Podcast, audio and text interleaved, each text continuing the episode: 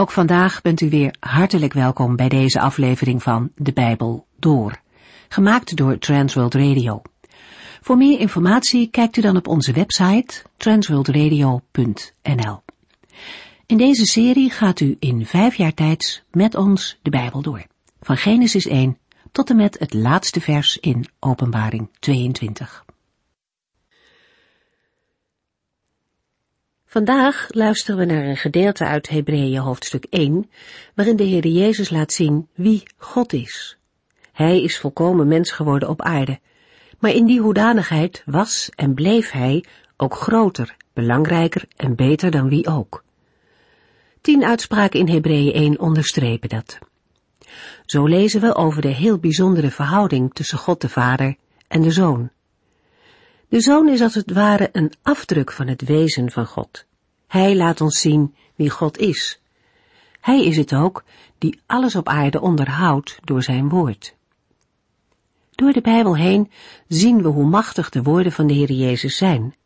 Als Hij spreekt, gebeurt het ook. Stormen worden stil. En als Hij de gestorven Lazarus uit het graf roept, dan komt Lazarus ook uit het graf. De woorden van de Heere hebben kracht. Dat hebben de mensen in Jezus tijd ervaren als ze naar hem luisterden. En wij, wij mogen in de Bijbel luisteren naar de woorden van deze Heer. Woorden die hun zeggingskracht nooit verliezen. Wat hij zegt, blijft waar. Wij mogen leven in verbondenheid met de Heer Jezus.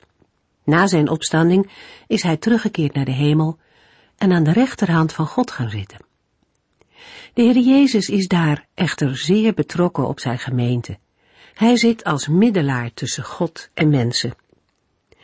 Met al onze worstelingen en met onze vragen kunnen we en mogen we bij Hem terecht. In Hebreeën wordt verder beschreven dat de Zoon van God belangrijker en hoger is dan de engelen. Eerder is al gezegd dat hij boven de profeten was gesteld en nu dus boven de engelen. Voor Joden was dit een belangrijk punt. De wet was namelijk door bemiddeling van engelen aan Mozes gegeven. En daarnaast vonden verschillende Joodse groeperingen het belangrijk om de hiërarchie in de engelenwereld te erkennen. De Hebreeënbrief maakt duidelijk dat Christus als Zoon van God ver boven de engelenwereld verheven is. Er is een unieke relatie tussen de Vader en de Zoon. En daar gaan we mee verder en lezen in Hebreeën 1 vanaf vers 8. In de vorige uitzending eindigden we met het lezen van Hebreeën 1 vers 7. We lazen, Hij maakt zijn boden of engelen tot winden en zijn dienaren tot laaiend of vlammend vuur. Een vertaling die de voorkeur verdient boven de vertaling van het boek De windrichtingen zijn zijn engelen en het vlammende vuur dient hem. De voorgestelde vertaling wordt ondersteund door de Septuaginta en de Joodse overlevering. De tekst betekent dat God winden en vuur gebruikt als verschijningsvormen voor zijn engelen, om zich te manifesteren in de wereld en zijn werk te volbrengen. In Psalm 18, vers 7 tot en met 16 schrijft David over het verschijnen en reageren van de Heere. Hij zegt, toen ik ten einde raad was, riep ik naar de Heere. Ik vroeg mijn God mij te helpen. Hij hoorde mij en reageerde op mijn hulpgeroep. Daarop begon de aarde te beven en te dreunen. De bergen sidderden, omdat hij toornig werd. Rook en vuur verspreidden zich over de aarde. Hij daalde neer uit de hemel met onder zijn voeten de duisternis. Hij reed op een gerub en vloog op de vleugels van de wind. Hij hulde zich in het duister, zodat hij beschut was in donker water en donkere wolken. De wolken verdwenen toen zijn glans naderde. Het regende hagel en vurige kolen. De Heere liet de donder weer klinken. God, de Allerhoogste, liet zijn stem horen. Hij richtte zijn pijlen op mijn vijanden en joeg ze uiteen. Hij slingerde bliksemstralen en bracht verwarring onder hen. Door uw dreigen, heren, kwamen de rivierbeddingen bloot te liggen en zag men de fundamenten van de aarde. Uit de vorige uitzending hebben we ook geleerd dat engelen een dienende functie hebben. en daarnaast dat hun dienst van voorbijgaande aard is. In de versen die we nu gaan lezen zullen we het tegengestelde ontdekken bij de Heer Jezus Christus. In de versen 8 tot en met 12 lezen we over de eeuwige heerschappij van Christus. Hebreeën 1 vers 8 en 9. Maar van zijn zoon zegt hij, uw troon, o God, staat tot in eeuwigheid vast. Uw bewind is een rechtvaardig bewind. U houdt van rechtvaardigheid en haat wetteloosheid. Daarom heeft u God, o God, u met meer blijdschap overgoten dan iemand anders. Ook de versen 8 en 9 zijn een citaat uit het Oude Testament. Het eerste citaat over de zoon komt uit Psalm 45. Psalm 45 is een bruiloftslied van de koning van Israël met duidelijk messiaanse kenmerken. In vers 7, dat de schrijver van Hebreeën citeert, wordt de koning aangesproken als een goddelijke koning, omdat hij God vertegenwoordigt op aarde en op een bijzondere wijze een beelddrager van de Heer is. Verder wordt gezegd, uw troon staat tot in eeuwigheid vast. En in vers 18 van Psalm 45 lezen we, ik zal uw naam aan alle volgende generaties doorgeven. Men zal u altijd blijven prijzen. Jezus Christus, de Zoon van God, is de Messias. Hij is God. Zijn heerschappij staat tot in eeuwigheid vast. Zeer krachtig wordt door het aanhalen van dit citaat het verschil tussen de engelen en de zoon getekend. In de Griekse tekst van vers 7 staan een aantal zaken die in het boek niet zijn vertaald. Het dienaar zijn van de engelen wordt gezet tegenover de troon, de scepter en het koningschap van de zoon. Verder is de dienst van de engelen veranderlijk en voorbijgaand, maar de heerschappij van de zoon, Jezus Christus, staat tot in eeuwigheid vast. De scepter is naast de troon het symbool van de koninklijke waardigheid.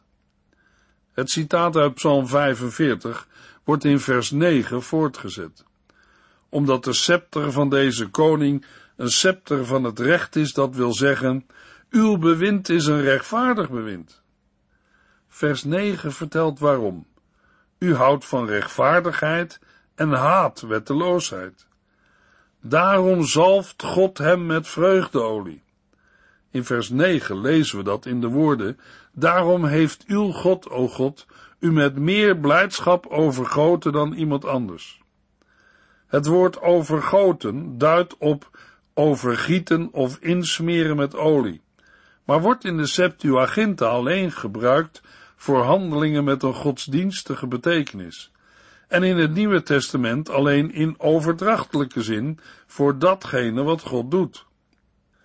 Voor louter fysiek salven, bijvoorbeeld als lichaamsverzorging, en voor zalven met het oog op genezing, wordt zowel in de Septuaginta als in het Nieuwe Testament een ander woord gebruikt, dat zich in het buitenbijbelse Grieks niet in betekenis onderscheidt van het in Hebreeën gebruikte woord. Salven met speciale zalfolie was onder het oude verbond een symbolische handeling waarmee voorwerpen en personen voor de dienst van de Here werden afgezonderd en geschikt gemaakt. De personen die gezalfd werden waren priesters en hoge priesters, koningen en soms profeten. In het Nieuwe Testament wordt het woord meestal gebruikt in verband met de Heer Jezus, die de titel Messias, dat betekent gezalfde, ontving. Het woord duidt aan dat Jezus in de lijn van David staat als gezalfde koning. Dat hij de Heilige Geest ontvangen heeft, waarover Jezaja spreekt. En dat hij in vreugde, eer en heerlijkheid ontving meer dan iemand anders. In verband met de gelovigen duidt het aan dat ook zij de Heilige Geest hebben ontvangen. In 2 Korintiërs 1 vers 22 lezen we, Hij heeft zijn stempel op ons gezet door ons zijn Heilige Geest in het hart te geven. Daardoor zijn wij verzekerd dat we bij Hem horen. Het is de Heere die de gelovigen verzegeld heeft met de Heilige Geest. door middel van een zegel, een afdruk van een zegel of zegelring, markeerden mensen in de oudheid hun eigendomsrecht of gaven aan een brief of voorwerp een bewijs van echtheid mee. De verzegeling die Paulus in de tweede brief aan de Corinthiërs bedoelt, bestaat uit de vervulling met de Heilige Geest, die de Heer Jezus aan de gelovigen heeft beloofd. Deze verzegeling met de Heilige Geest door de Heere is niet alleen een teken van zijn goddelijk eigendomsrecht, maar ook een waarmerk, een goddelijke goedkeuring van hun geloof. Zij is tevens het onderpand van het toekomstige heil dat de gelovigen te wachten staat. Het begrip waarborgsom, onderpand of aanbetaling is afkomstig uit de wereld van de handel. Het wordt als regel gebruikt voor een eerste aanbetaling van een groter bedrag dat later zal volgen. Het gebruik van dit begrip is in dit verband heel treffend, omdat de vervulling met de Heilige Geest inderdaad de eerste gave van de toekomstige heerlijkheid is. De vervulling met de Heilige Geest is tegelijk de garantie dat de rest, de volledige heerlijkheid, zal volgen. Het is opmerkelijk dat in het betoog van Paulus in 2 Corinthiërs 1 zowel God de Vader als Christus de Zoon als de Heilige Geest worden genoemd als waarborgen voor de betrouwbaarheid van Paulus en zijn medewerkers. De schrijver van Hebreeën schrijft in vers 9 van hoofdstuk 2: Daarom heeft uw God, o God, u met meer blijdschap overgoten dan iemand anders. Daarmee is niet bedoeld het overgoten worden of de zalving tot zijn koninklijke bediening, maar dat de Heere hem zalft met een overweldigende blijdschap. In Jesaja 61 vers 1 tot en met 3 lezen we, De geest van God, de Heere, rust op mij, omdat de Heere mij heeft gezalfd tot brenger van goed nieuws aan mensen die lijden en worden onderdrukt. Hij heeft mij gestuurd om mensen met gebroken harten te troosten, voor gevangenen vrijlating uit te roepen en hen die opgesloten zitten te bevrijden. Hij heeft mij gestuurd om aan de mensen in de rouw te vertellen dat de tijd van Gods genade voor hen is gekomen, maar ook de dag van zijn toorn tegen hun vijanden. Aan allen die in Israël rouwen, geeft hij schoonheid in plaats van as, vreugde in plaats van rouw, lof in plaats van neerslachtigheid. Want God heeft hen geplant als sterke en rechtvaardige eiken ter wille van zijn eigen glorie. De Heer Jezus leest een gedeelte voor uit Jesaja 61 in de synagoge van Nazareth, het dorp waar hij zijn jeugd had doorgebracht en waar hij de gewoonte had om op de Sabbat naar de synagoge te gaan. Als hij het boek van de profeet Jezaja heeft dichtgedaan, zegt Jezus, wat ik u zojuist heb voorgelezen, is werkelijkheid geworden. Deze beschrijving van de koning en woorden van Jezaja vinden hun vervulling in de Heer Jezus Christus, de Zoon van God. Bij de woorden, u houdt van rechtvaardigheid en haat wetteloosheid, moeten we denken aan het leven en lijden van de Heer Jezus. Hij vervulde Gods rechtvaardigheid tot in de dood aan het kruis en zondigde niet. Daarom ontving hij een grote vreugde en heerlijkheid van God. De zoon ontving ook grotere vreugde, eer en heerlijkheid dan de andere bewoners van de hemel, namelijk de engelen. Hij is hoger dan de engelen, omdat hij heerst over het heelal. Hij is de Messias, de koning van de koningen en de Heer van de Heren. Hebreeën 1 vers 10 tot en met 12. Hij wordt ook Heer genoemd, als er staat, Heere, in het begin heb u de aarde gemaakt en ook de hemel was uw werk. Eens zullen die vergaan, maar u blijft voor altijd. Ze zullen eens versleten zijn als een stel oude kleren. Op een dag zult u ze oprollen en door nieuwe vervangen maar u zult zelf nooit veranderen. Aan uw bestaan komt geen einde.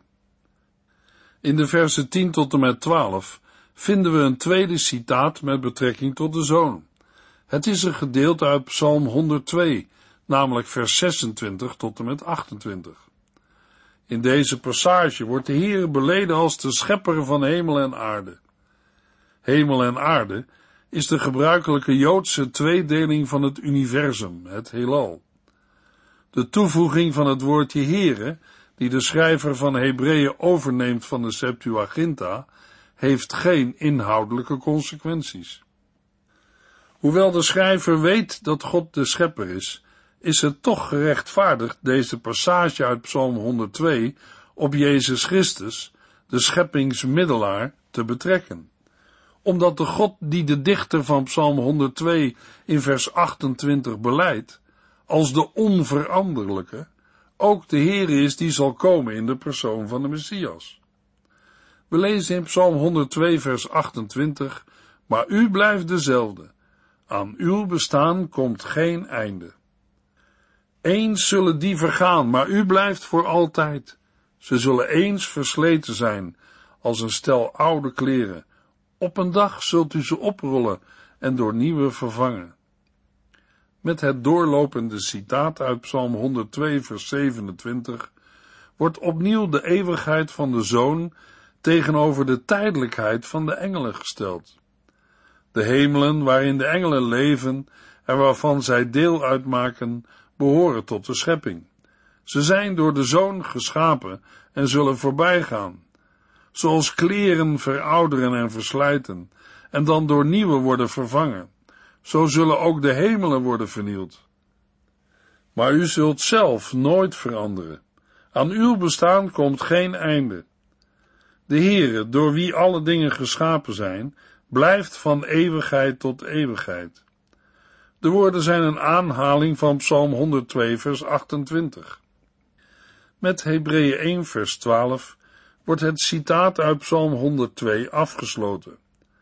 De kleine verandering ten opzichte van de oud-testamentische tekst, namelijk op een dag zult u ze oprollen, zal gebeurd zijn onder invloed van de inhoudelijke verwante passage in Jesaja 34 vers 4.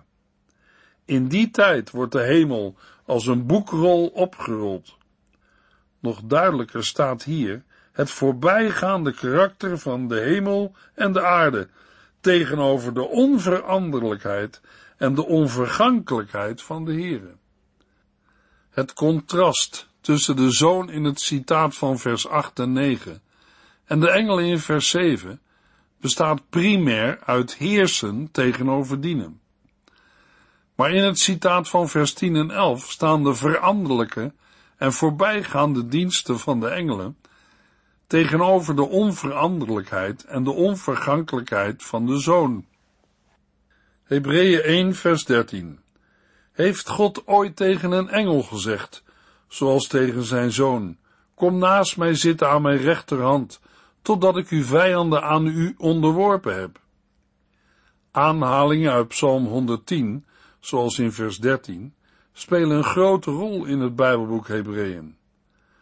Uitleggers hebben dit Bijbelboek daarom wel eens een preek over Psalm 110 genoemd. De psalm is een lied op de Messiaanse priesterkoning, die zit aan de rechterhand van God. Dat wil zeggen, deelt in zijn heerschappij en regeert over de volkeren van de aarde. In de tijd van Jezus leven op aarde werd deze psalm ook door de Joden gezien als een profetie over de Messias. Tijdens de rechtszitting van het Sanhedrin getuigde Jezus dat hij degene was van wie dit woord in vervulling zou gaan. De openingswoorden van Psalm 110 hebben een grote rol gespeeld in de vroeg-christelijke prediking, omdat zij een bewijs uit de Bijbel zijn voor het feit dat de Messias tevens de Heer is. Verder vinden we dit citaat uit Psalm 110 verwerkt in verschillende andere Bijbelteksten. Het beeld dat de vijanden tot een voetbank worden gemaakt, wil enerzijds de verhevenheid van de zoon boven zijn vijanden weergeven. Anderzijds betreft het een wijdverbreid gebruik dat de overwinnaar in een veldslag zijn voet zet op de nek van de verslagen vijand. Als vijanden, die blijkens Hebreeën 2 vers 8 nog niet allemaal onderworpen zijn, worden de aan de mens en God vijandige krachten uit de wereld van de duivel en zijn demonen, als ook alle mensen die zich door hen laten inspireren, onderworpen.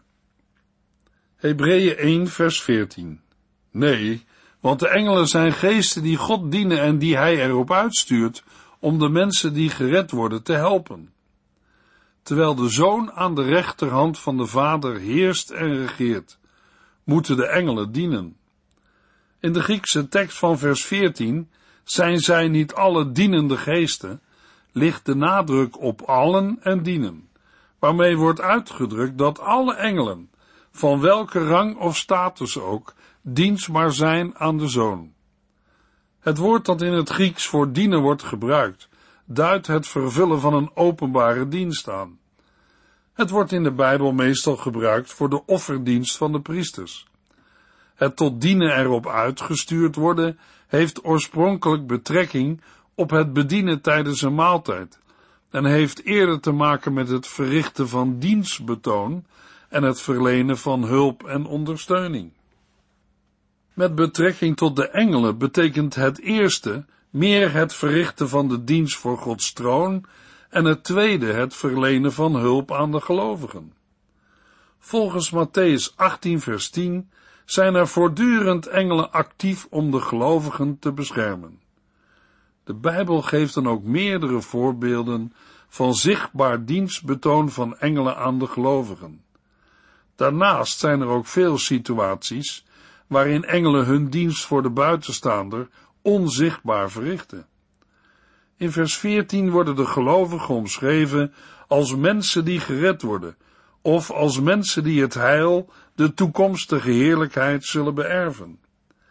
Dit laatste is een omschrijving die de tegenstelling benadrukt tussen de zoon en de engelen. Jezus Christus is de inhoud van Gods verlossingsplan.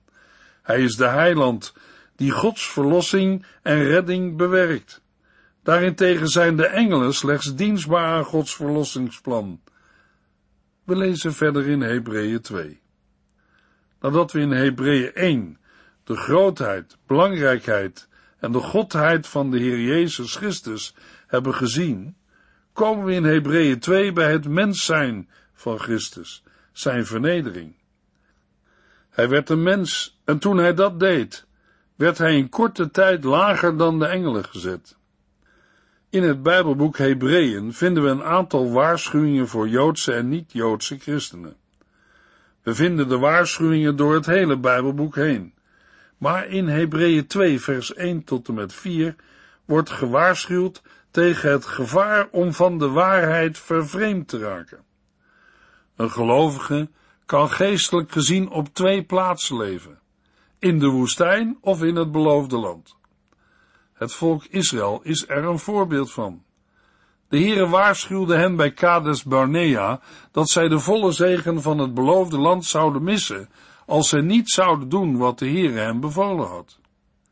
Hebreeën 2 vers 1 Daarom moeten wij heel aandachtig luisteren naar de waarheid die wij hebben gehoord. Anders zullen wij ervan vervreemd raken. Met de woorden daarom moeten wij begint de conclusie van het voorafgaande hoofdstuk.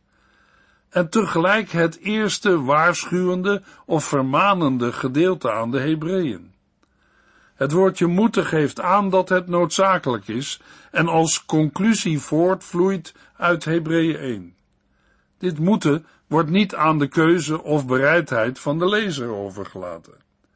Juist omdat de zoon ver boven de engelen verheven is, moet aan het woord dat de Heere door hem heeft gesproken, de grootste aandacht worden geschonken, meer dan de woorden die de Heere door bemiddeling van engelen heeft geopenbaard. Met de dingen die wij hebben gehoord, wordt het evangelie bedoeld, zoals dat eerst door de Heer Jezus zelf en vervolgens door de apostelen is verkondigd. De vermaning om het evangelie vast te houden in die vorm zoals ze door de apostelen is overgeleverd, vinden we in verschillende nieuwtestamentische brieven. Dit om te voorkomen dat de gelovigen in de handen van dwaalleraars vallen. In Hebreeën 2 worden de Joodse lezers gewaarschuwd om niet af te drijven of van het evangelie vervreemd te raken en terug te vallen in het oude verbond. Hebreeën 2, vers 2 tot en met 4.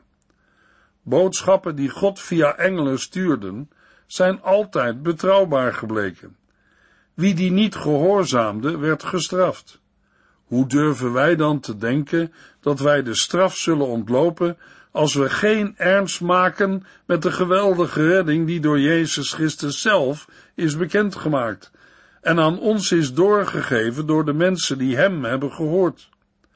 God heeft bewezen dat die boodschap waar is door tekenen, wonderen en machtige daden, en ook door de gave van de Heilige Geest te geven aan wie Hij wil. Met de woorden boodschappen die God via engelen stuurden, worden de wetten van Mozes bedoeld. In Exodus 19 en 20 lezen we wel niets over de activiteit van engelen, maar Gods verschijning aan Mozes werd wel begeleid door storm, wind en vuurvlammen, de verschijningsvormen van engelen. Het betoog van de schrijver om het groter, belangrijker en beter van de zoon boven de engelen te bewijzen, dient uiteindelijk om de lezers ervan te overtuigen dat aan de woorden die God in de zoon heeft gesproken veel meer aandacht moet worden geschonken dan aan de boodschappen die God via engelen stuurde. Wanneer toen al bij een overtreding tegen de wet een bestraffing volgde, hoe zullen dan gelovigen, die van de boodschap van het evangelie vervreemden en afdrijven, aan de toorn van God ontkomen? De schrijver noemt drie dingen waarin de nieuwe openbaring de oude wet overtreft. Maar daarover meer in de volgende uitzending. U heeft geluisterd naar De Bijbel Door, in het Nederlands vertaald en bewerkt door Transworld Radio. Een programma waarin we in vijf jaar tijd de hele Bijbel doorgaan. Als u wilt reageren op deze uitzending of u heeft vragen, dan kunt u contact met ons opnemen. Tijdens kantooruren kunt u bellen op 0342 47 8432. 0342 47 8432. Ook kunt u een e-mail sturen naar de Bijbel at transworldradio.nl en natuurlijk kunt u ook via de post ons bereiken. TWR, postbus 371, postcode 3770, AJ in Barneveld. Dit programma werd gepresenteerd door Cor Weda en Ike André. Techniek was in handen van Odin van Woerkom. En wij allemaal bedanken u voor het luisteren. Graag tot de volgende keer.